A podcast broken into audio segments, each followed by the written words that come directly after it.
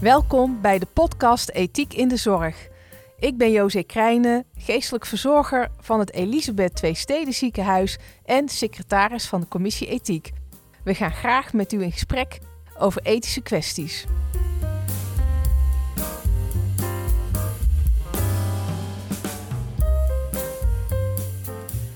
Nou, welkom uh, uh, Mustafa.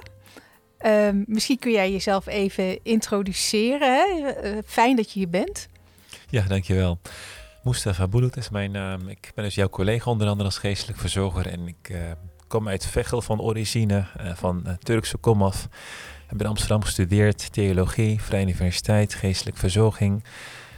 En werk nu sinds, ik denk, vijf en half jaar in het ETZ. Ik moet even heel snel tellen, ja, vijf en half jaar. Als geestelijk verzorger met een islamische achtergrond. Um, dus dat. Ja, voordat we uh, zeg maar verder gaan, want, jou, want je bent eigenlijk best beroemd geraakt al, hè? Ja. ja. als ik ja zeg, dan is het raar. Ik, uh, nee, maar je bent wel ja. bekend met, je, met, met waar jij uh, heel erg voor staat, voor interculturele zorg en inclusiviteit. En dan wilde ik eigenlijk eerst, voordat we daar uh, op verder gaan, wilde ik eigenlijk eerst weten hoe ik het eigenlijk moet noemen nu. Want ik merk dat ik, ik van de termen ook af en toe denk ik, hoe zeg ik het nou, hoe zeg ik het correct? ik worstel er al een aantal jaren mee hoor. In 2018, toen ik begon, was het interculturele zorg in ons ziekenhuis. En in 2000 2021 is er in Rotterdam, heb ik gemerkt, een beweging van cultuursensitieve zorg gekomen. En in de Tweede Kamer bij T66 heet het ook echt cultuursensitieve zorg. Dus landelijk is het cultuursensitiviteit. Ik noem het intercultureel, maar het wordt waarschijnlijk wel cultuursensitief. Mm-hmm. Als brug naar inclusie. Ja. Dus uiteindelijk is het de inclusieve zorg die we gaan bereiken. Maar dan heb je het echt over heel veel soorten diversiteit. Ja, en, en wat wordt precies dan bedoeld ook met inclusie? Dat vind ik ook wat. Het is een begrip dat ik denk, moet je dat eigenlijk allemaal wel. Als je er langer bij stilstaat, we hadden een keertje zo'n grapje in het teamoverleg van iemand die zei, een van onze collega's die zei, ik ben zo graag exclusief. Ja, dat kan, dat mag en toen ook. moest ik toen heel erg, dat vond ik zo, zo grappig. En toen dacht ik van, ja, wat bedoelen we eigenlijk met inclusief willen? Waarom willen wij eigenlijk allemaal inclusief zijn? Klopt. Ja, en dat, die vind ik cultuursensitief ja. eigenlijk al wel heel mooi. Dat ik denk, ja. dan gaat het meer om dat je uh, gevoelig bent voor alle verschillen. Juist. Bij cultuursensitief gaat het uh, om de etnische achtergrond en de huidskleur van je patiënt. Ja, in ons geval de patiënt, maar ook de medewerker uh, in ons waar, ziekenhuis. Waarom wordt er dan onderscheid nu gemaakt tussen cultuur en huidskleur? Omdat bij cultuur zie je ook dat huidskleuren kunnen verschillen per land. Ik bedoel, etniciteit is dan vooral uh, welke achtergrond heb je? In mijn geval Turkije, maar ik ben eigenlijk hartstikke Hollands omdat ik hier ben geboren. Hè? Maar als ik ook nog eens een zwarte huidskleur had gehad, was het een, een derde drempel geweest. Van Mustafa met een tweede nationaliteit en met een naam die we moeilijker kunnen uitspreken, plus die een zwarte huidskleur heeft. En je weet het wel, maar uit onderzoek blijkt dat uh, vooral discriminatie, racisme heel erg spelen in Nederland. Dus wat we nu ook in onze scholing interculturele zorg met Charlie Obihara, onze kinderartscollega, samen doen, is ook aandacht hebben voor wat doet de huidskleur, wat doet de taal, wat doet, wat doet eigenlijk die ander met jou. Dus niet andersom, maar hoe komt die nou bij jou over? En dat is onder andere waar ik mij probeer op te richten, in de bewustwording daarvan. Het is niet makkelijk, dat weet ik ook heel goed. Nog vanochtend zei een van de juffrouws van onze basisschool, uh, waar de kinderen op school zitten, je spreekt echt goed Nederlands. En toen zei ik, ja, dat hoor ik vaker. ja, ik weet, het is goed bedoeld allemaal, hè, maar ik voel me dan echt de andere José. Dat gebeurt als iemand zoiets zegt. En dan denk ik van, ik waardeer je compliment, maar het hoeft eigenlijk niet. Dus jouw vraag, wat is inclusie? Als het aan mij ligt, moet inclusie verdwijnen. Waarom? Omdat je al automatisch iedereen accepteert. Ja, precies. Maar blijkbaar ja. is het beestje, moet dat toch bij de naam genoemd worden, ja. van het gaat niet altijd even goed. Nou, je geeft een heel mooi voorbeeld hoe het vanuit uh, wel, uh, welgemeende goede bedoelingen Juist. eigenlijk iemand meteen uh, ja, toch op een bepaald manier positioneert in elk geval. Ja. En kadert. Ik, ik, weet niet of mensen zich daar bewust van zijn, maar in en, alles... En, en wij, zij. ja.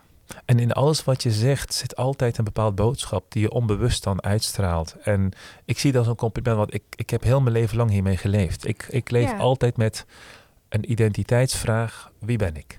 Ja, kun je daar iets meer over vertellen? Want ik kan me voorstellen dat iets is wat jou ook, omdat je dus ook ervaringsdeskundige bent. Hè? En uh, ik vind ook dat je dat heel, heel knap doet. Hè? Dus wat je ook zegt van, nou, ik waardeer het compliment. Ik, dat vind ik allemaal al heel mooi dat jij dat zo kan. Hè? Dat zie ik jou ook vaker doen. Hoe Mhm. knap jij kan incasseren en pareren Ja. op een verbindende manier.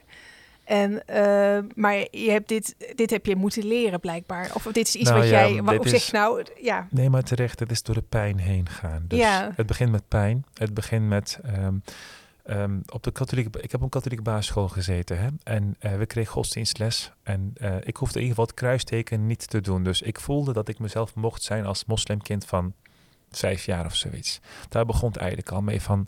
Je bent de enige Turk in de klas die anders is. Nou, zo groei je op. En er is altijd een vraag dat als het om de namen gaat... Piet, Jan, Anton, Lucas, mijn vrienden... en dan komt Mustafa in beeld. Dus dan weet je al, oei, ja tenminste oei... Dat is een andere. En mijn achternaam is al helemaal moeilijk. Bulut, Blut, Bulut, Bulit. Ik krijg heel veel vormen. Of een mail van een collega in het ziekenhuis. Hey, Mustang. Mustang? Mustafa. Of iemand komt bij een collega van ons die zegt, waar is Mufasa? ja. Ik heb daar een humoristische grap over dat ik dan zeg... Zolang ze mama geen Scar noemen, de, de Oh, ja, oom van ja, Simba, zeg maar. Ik bedoel, waar gaat het voor over? de mensen die dat niet, eh, dat soort programma's niet kijken. En ik lach er niet om en ik wil vooral blijven lachen. Eh, maar er worden ik- woordspelingen gemaakt met je naam. Wij zijn een keer met mijn vrouw ehm, via Zwitserland naar Bosnië gegaan, zeg maar. was een eh, overstap. En dat was een hele lange reis terug naar Nederland. En toen kwamen we uiteindelijk in Nederland aan op Schiphol. En ik werd uit de groep gepikt door de douane. Dat is altijd het probleem bij je. Ik krijg nu kippenvel. Ik raak er ook stil van. dit gebeurt nog steeds bij de, eh, bij de beveiliging van Schiphol.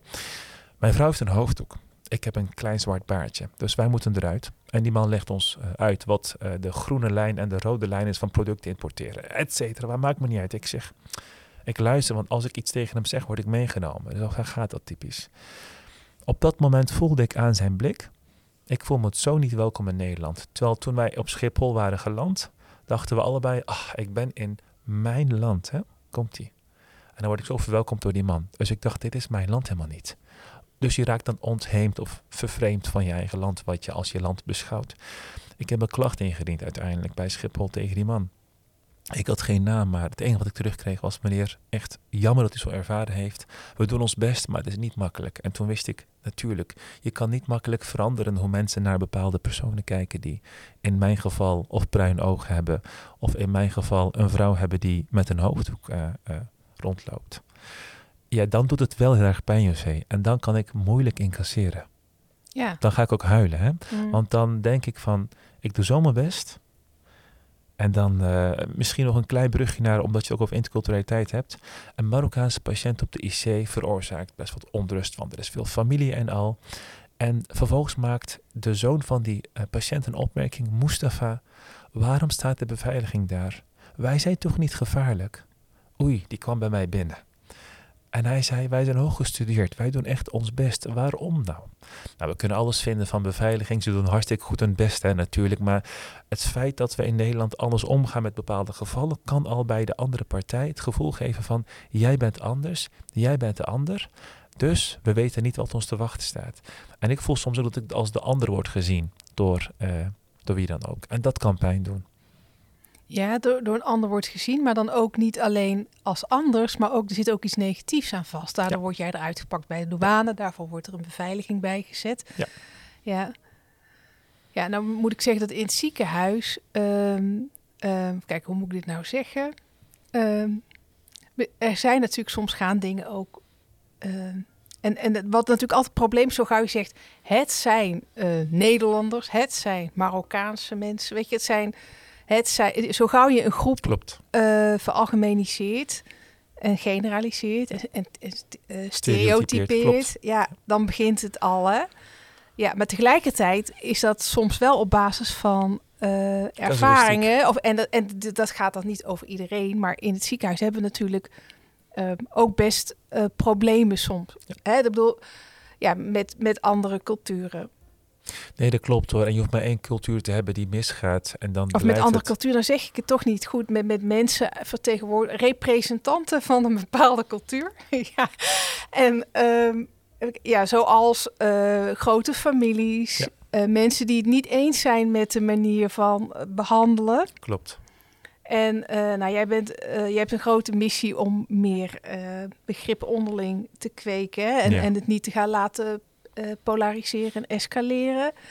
Maar kun je daar iets meer over vertellen? Van wat voor dingen word jij nou vaak bijgeroepen? Want mensen maken ook, hè, bedoel, wij, wij als collega's weten hoe druk jij ook ehm, daarmee bent en hoeveel jij wordt gebeld Ja. om dingen op te lossen. Dus even los van het stereotyperende. Er zijn een aantal dingen die wel steeds spelen. Mag ik dat ja, zo zeker, zeggen? zeker. Dat is ook zo. Het is ook niet om het goed of niet goed te praten. Het is inderdaad een feit dat Nou, ik, maar ik snap heel goed die hebben. pijn van... goh, ik heb een, een, een, een andere kleur, ik heb een andere achtergrond... dus ik zou, weet je wel, eh, dus ik ben verdacht. Ja, Ja. het doet, je bent potentieel mens verdacht. pijn. Precies. Ja, En ja, dat- natuurlijk gaan we ervan uit dat we elkaar gewoon vertrouwen, ook in ons ziekenhuis en, en landelijk en wereldwijd. Maar het is, het is geen makkelijke tijd. En natuurlijk hebben we casussen die ook laten zien dat het niet goed gaat. Hè? Ehm, dat er de- misverstaan is, zeg maar. Zullen we het zo benoemen? Zeker. Een van Ja. de casussen of thema's waar ik bij groep word is een slecht nieuwsgesprek. Eigenlijk bij slecht nieuws zie je veel families op de afdeling komen. En dan is altijd de vraag, hoe ga je om met 40 mensen op de, over de vloer, eh, op je afdeling? Ehm, en dan vooral boze families. Ehm, de dokter wil goede zorg geven. De patiënt is in discomfort, dus die heeft gewoon letterlijk leed zichtbaar. Maar je mag geen morfine geven. Dat, dat domein van ongeneeslijkheid is meestal toch wel het domein waar ik voor word gevraagd. En wat ik probeer in onder andere onze scholing is ehm, te vertellen dat niet alleen maar hè, als het gaat om de moslim, dit niet specifiek islamitisch is, maar eh, dat ze in België en in Italië uit onderzoek gelukkig ook gebaseerd ook op die manier indirect communiceren en ook meer familieleden hebben. Hm. Je weet mijn anekdote uit eh, West-Vlaanderen dat ik in een ziekenhuis op werkbezoek was. Ik vroeg aan de verpleegkundige daar, wie is de moeilijke patiënt? Ik was benieuwd naar welke cultuur. Toen zeiden ze de Nederlandse patiënt tegen mij. Ik Hm. zeg, hoezo dat? Ze zei zo direct. En wie is nog meer moeilijk? De Nederlandse verpleegkundige. Ik zeg, hoezo dat dan? Beginnen we onze dienst en dan zegt die collega... Goh, ik heb mijn dag vandaag echt niet hoor. en dan laten wij die collega de hele dag met rust. Als ik dit zeg, kunnen we gelukkig lachen. Waarom? Ja. Het gaat niet om de moslim, om de Turk, de Marokkaan of wie. Het gaat ook gewoon om Europa, om ons. En Mhm. ik probeer te relativeren als het gaat om hoe wij kijken naar patiënten uit andere culturen. Nou ja, het gaat om, om dat we een maatschappij hebben waarin veel soorten mensen. eh, hè, of, ja, soort is ook alweer, het is ook alweer een klassificering. Hè. Maar we hebben allerlei type mensen met toch verschillende. eh, op, an- die op manier in het leven staan. En we moeten wel samenleven. Daar gaat het denk ik om. Hè, en het is natuurlijk het mooiste als het een verrijking is, maar het geeft natuurlijk ook veel gedonder. Maar dat is Hè? dus mijn Ja. missie. In Ja. de zorg vooral is mijn missie dat je, weet je, dat je de patiënt altijd accepteert zoals die is. Natuurlijk moet de patiënt respectvol zijn en moet veilig zijn, maar dat je niet schrikt van een patiënt die niet het slechte nieuws wil horen. Dat is eigenlijk hartstikke normaal. Alleen voor Nederland is het abnormaal.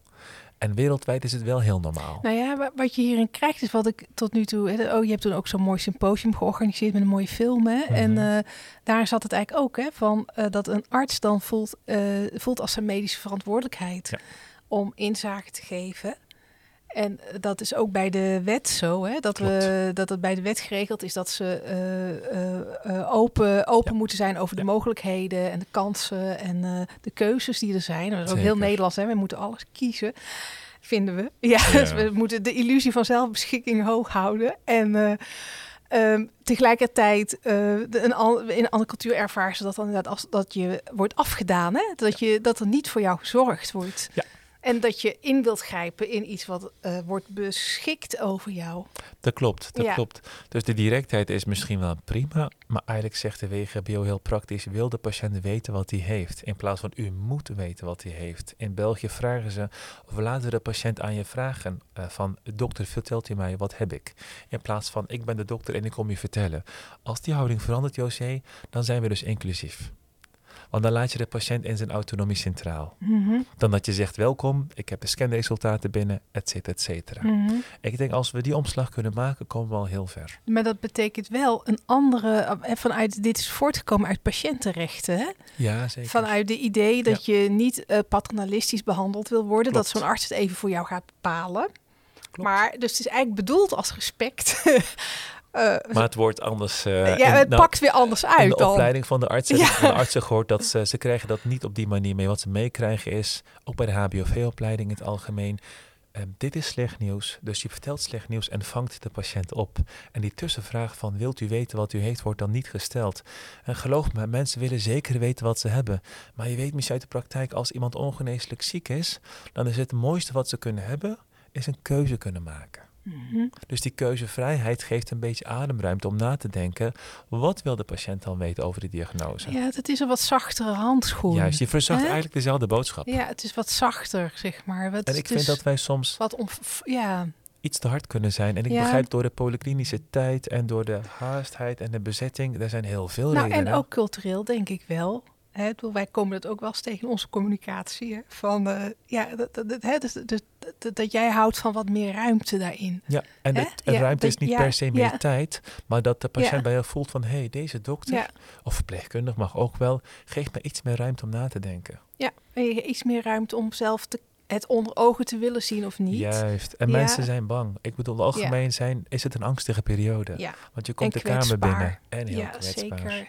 Zeker. Ja, maar het kan natuurlijk ook leiden als je dit zo gaat zeggen, dat je dan mensen. eh, het, ik kan me dus heel goed voorstellen dat een arts het idee heeft als hij dit doet, dat hij iemand in de steek laat. Maar jij zegt, het zit hem niet in het wel en niet in de. Het zit hem veel meer in de communicatie gewoon. Alles is Ja, communicatie. ja, bij jou. Ja, ja. Er was ja, ook een specialist, nee, alles is communicatie, wel een specialist. Ja. En die zei in overleg van, het gaat om het medisch besluit. En ik zie altijd goede bedoeling bij de uitspraken. Maar ik zeg, collega, er moet toch ook een ontvanger zijn van jouw besluit? Waar is die ontvanger? Nou, als je dat dus bewust, daar bewust van bent, dan blijft het besluit besluit. Maar dan moet er ook een goede ontvanger zijn met communicatie. En als we dat hebben, dan zie je de patiënt. Mhm. En dan krijg je tevredenheid, therapie, trouw. Dan krijg je heel veel mooie resultaten. Ja. Ja, ik vind het nog wel een. Ik vond, ik vond bijvoorbeeld bij corona hebben we eh, ook moreel archief aangelegd. Hè? En toen Mhm. kwamen er ook wel vanuit, men, vanuit de IC eh, onder andere, maar vanuit meerdere hoeken, dat het wel heel moeilijk was. Is ook. Hè? Vanuit mensen die, niet, eh, die, die de tijd willen hebben voor hun proces. Ja. En, ehm, eh, en, en eh, het bezoekrecht niet eh, respecteerden wat we op dat moment hadden, die regel. En je weet ook achter, nou ja. Maar in elk geval dat mensen wel zich afvroegen hoe rechtvaardig is het dan dat mensen bedden bezet houden die andere mensen nodig hebben. En hoe respectvol moeten we zijn. En wat ik ook wel eens hoor van, dat is alweer en dat is nog een ander dingetje weer van, oké, maar als ik, er moet ook eh, eh, begrip zijn voor mijn culturele achtergrond. Ik ben ook maar gewoon een Hollander, zeg maar zo. Weet je wel? Van, eh, dus dat directe, ja, zoals ik probeer te begrijpen dat een ander het anders wil horen en anders wil zeggen, eh, kan ik ook niet alles meteen veranderen. Zo van, Nee, de- dus klopt. van, ehm, hoeveel wederkerigheid is er werkelijk dan? De, dus, en, maar ja, aan, ja, op het moment dat mensen ziek Ja, zijn, is dat wel moeilijk om dat weer Nou, aan dat, ze te dat vragen. precies. Er zijn twee punten. ja. Dus op je tweede punt gelijk aanhaken. ja, eerst was Ah, rechtvaardigheid en de tweede was inderdaad hoor. wederkerigheid. Ik hoor het vaak terug, want dit is Nederland, zegt een, eh, een collega. Ik zeg prima, dat, dat weten mensen al 50 jaar. Maar meer van, als je ziek bent, val je terug op je eigen roots. En we weten van Nederlanders in het buitenland hetzelfde. Dat als ze in het ziekenhuis belanden en ze krijgen daar indirect slecht nieuws. Dus indirect, dan zeggen ze, vertel me nou direct slecht nieuws. Mm, Ook al leven ze heel lang in het buitenland. Want als je ziek bent, val je terug op jezelf. mm. Dus er is ook geen, hè, dat weet je van Toronto, er is geen gelijkwaardigheid. Dus als je dan verwacht dat mensen vanuit de zorgethiek dan jou gelijk zijn, dus ook jou moeten begrijpen, dat doen ze toch niet. Want mensen zijn hartstikke ziek, die hebben andere dingen aan hun hoofd. Dus als het je buurman of buurvrouw is, tuurlijk, je moet Nederlands spreken, één. Trouwens, over Nederlands, José, een kleine kanttekening. Mijn vader kwam vroeger naar, dus naar Nederland met mijn opa samen. En hij mocht niet onder werktijd Nederlands leren. Hij is na werk Nederlands gaan leren. Hij is de tolk van zijn fabriek geworden. Waarom zeg ik dit? Omdat soms denken mensen nu van... ze hebben helemaal geen Nederlands geleerd, et cetera. Nee, ze mochten geen Nederlands leren, is mijn antwoord dan. Als je die jonge mannen van 18, jonge man van 18 jaar... een kwartier Nederlandse les gaf... spraken ze beter dan wij nu Nederlands in Nederland. Ik bedoel even een kanttekening Hm. van kritische noot. Hè? Hm. En over die eerste thema, dat gaat Ja, om... een stukje historie. Ja, we moeten, Ja. en ooit zijn wethouder volgens mij uit Utrecht zei dat van, we hebben ook een aandeel. Zei ik denk, oh, wat fijn dat ik nu word gezien, dat mijn opa nu wordt gezien. Van, Mm. Het is niet alleen maar de buitenlander, of hoe je het ook noemt, Mm. maar ook Nederland, hoe die keek naar de mensen die Mhm. tijdelijk kwamen. Nou, ja. Dat is het een hele historie, maar in ieder geval, die eerste thema gaat om die staken van behandeling. Het medisch zinloos voortzetten van die behandeling, omdat de familie niet wil accepteren. Dat is zeker een ding. Dus dat, dat is, lang verhaal kort, dat is een moeilijk thema. Ja. Ook- zeker met wat nu ook voor de deur staat. Hè? Ja. De, de komende schaarste van... eh, ja, moeten we altijd heel empathisch zijn of moeten we op een gegeven moment ook duidelijk zijn? Ja. Dat is, en dat is verschillende meningen over in het ziekenhuis, Klopt. valt mij op. Gewoon. Weet je? Zo, Nee, ja. dat klopt. En ik weet het echt niet eigenlijk, wat nou het niet, dat- wijste niet dat ik het wel weet, maar Nee, ik heb wel een idee daarover. De ene patiënt zegt, ga ik dood? Dat is een hele directe vraag. Ook dan moet je natuurlijk kijken hoe je antwoord geeft, maar dat is een open vraag. Het is meestal gesloten, zelfs ja of nee. Als een andere patiënt die vraag niet durft te stellen, neem je meer ruimte. Dus ik, het ooit zei, uh, dat weet je dan ook van ons collega uit Commissie Ethiek, je hebt het rechtvaardigheidsprincipe en de billijkheidsprincipe. Vanuit welke bril kijk je naar diezelfde patiënt? Ik nodig ons uit om vanuit billijkheid te kijken en op maat zorg te geven. Mhm. Want rechtvaardigheid is een utopie waarvan ik denk, het is moeilijk te, mhm. te achterhalen. Het is wel iets heel moois. Hè?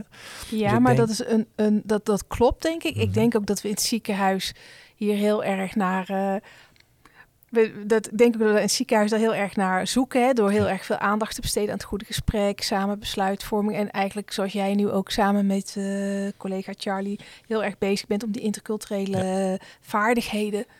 Uh, of cultuursensitieve vaardigheden de, te vergroten. Hè. Dus, dus daar wordt denk ik aan die kant ook gekeken. Uh, als er op een gegeven moment gewoon minder is, dan zul je toch ergens iets van dat mensen het idee, mensen accepteren negatieve keuzes bijvoorbeeld, dus als ze niet geholpen kunnen worden, beter als ze het idee hebben dat het eerlijk is, dan als het willekeurig is. Dus je ontkomt niet meer op een gegeven moment, uh, het ligt eraan, uh, nou ja, maar je ontkomt op een gegeven moment niet aan ook uh, ja, vanuit toch ook bepaalde kaders kijken. Als we die kaders niet zouden hebben ook, dan zouden uh, mensen sowieso niet allemaal geholpen worden. Snap je? Je, hebt, uh, dan zou je ook discriminatie bijvoorbeeld veel makkelijker in stand kunnen houden dan als je. Je moet op een gegeven moment uh, ook bijvoorbeeld vrouwenkiesrechten en zo instellen om dingen te kunnen veranderen. En, en de idee van eerlijkheid, zeg maar, of de idee van rechtvaardigheid. Je, je, ik denk dus dat het is een samenspel.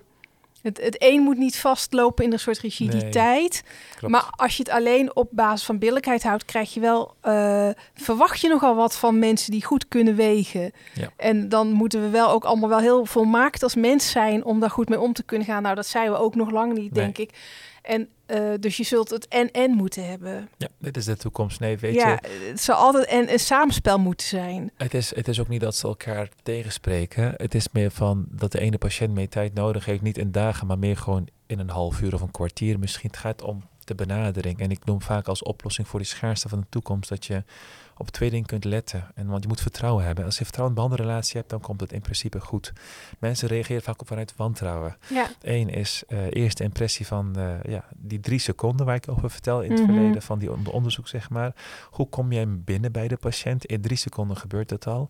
En een ander onderzoek gaat over de toon van je stem en je lichaamstaal en de blik in de ogen. Als je daar bewust van bent, kun je hartstikke eerlijk zijn, maar de voelen patiënten zich wel gezien. Ja. En we hebben onlangs een casus gehad van een patiënt met een longtumor. die is ook overleden. Maar die patiënt hoorde aan de telefoon van zijn huisarts dat hij dus longkanker had.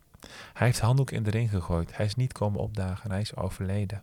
De longarts, toen hij opgenomen was drie maanden na die tumordiagnose, die zei tegen me, Mustafa, als hij was gekomen op de poli, had ik hem nog wel kunnen helpen.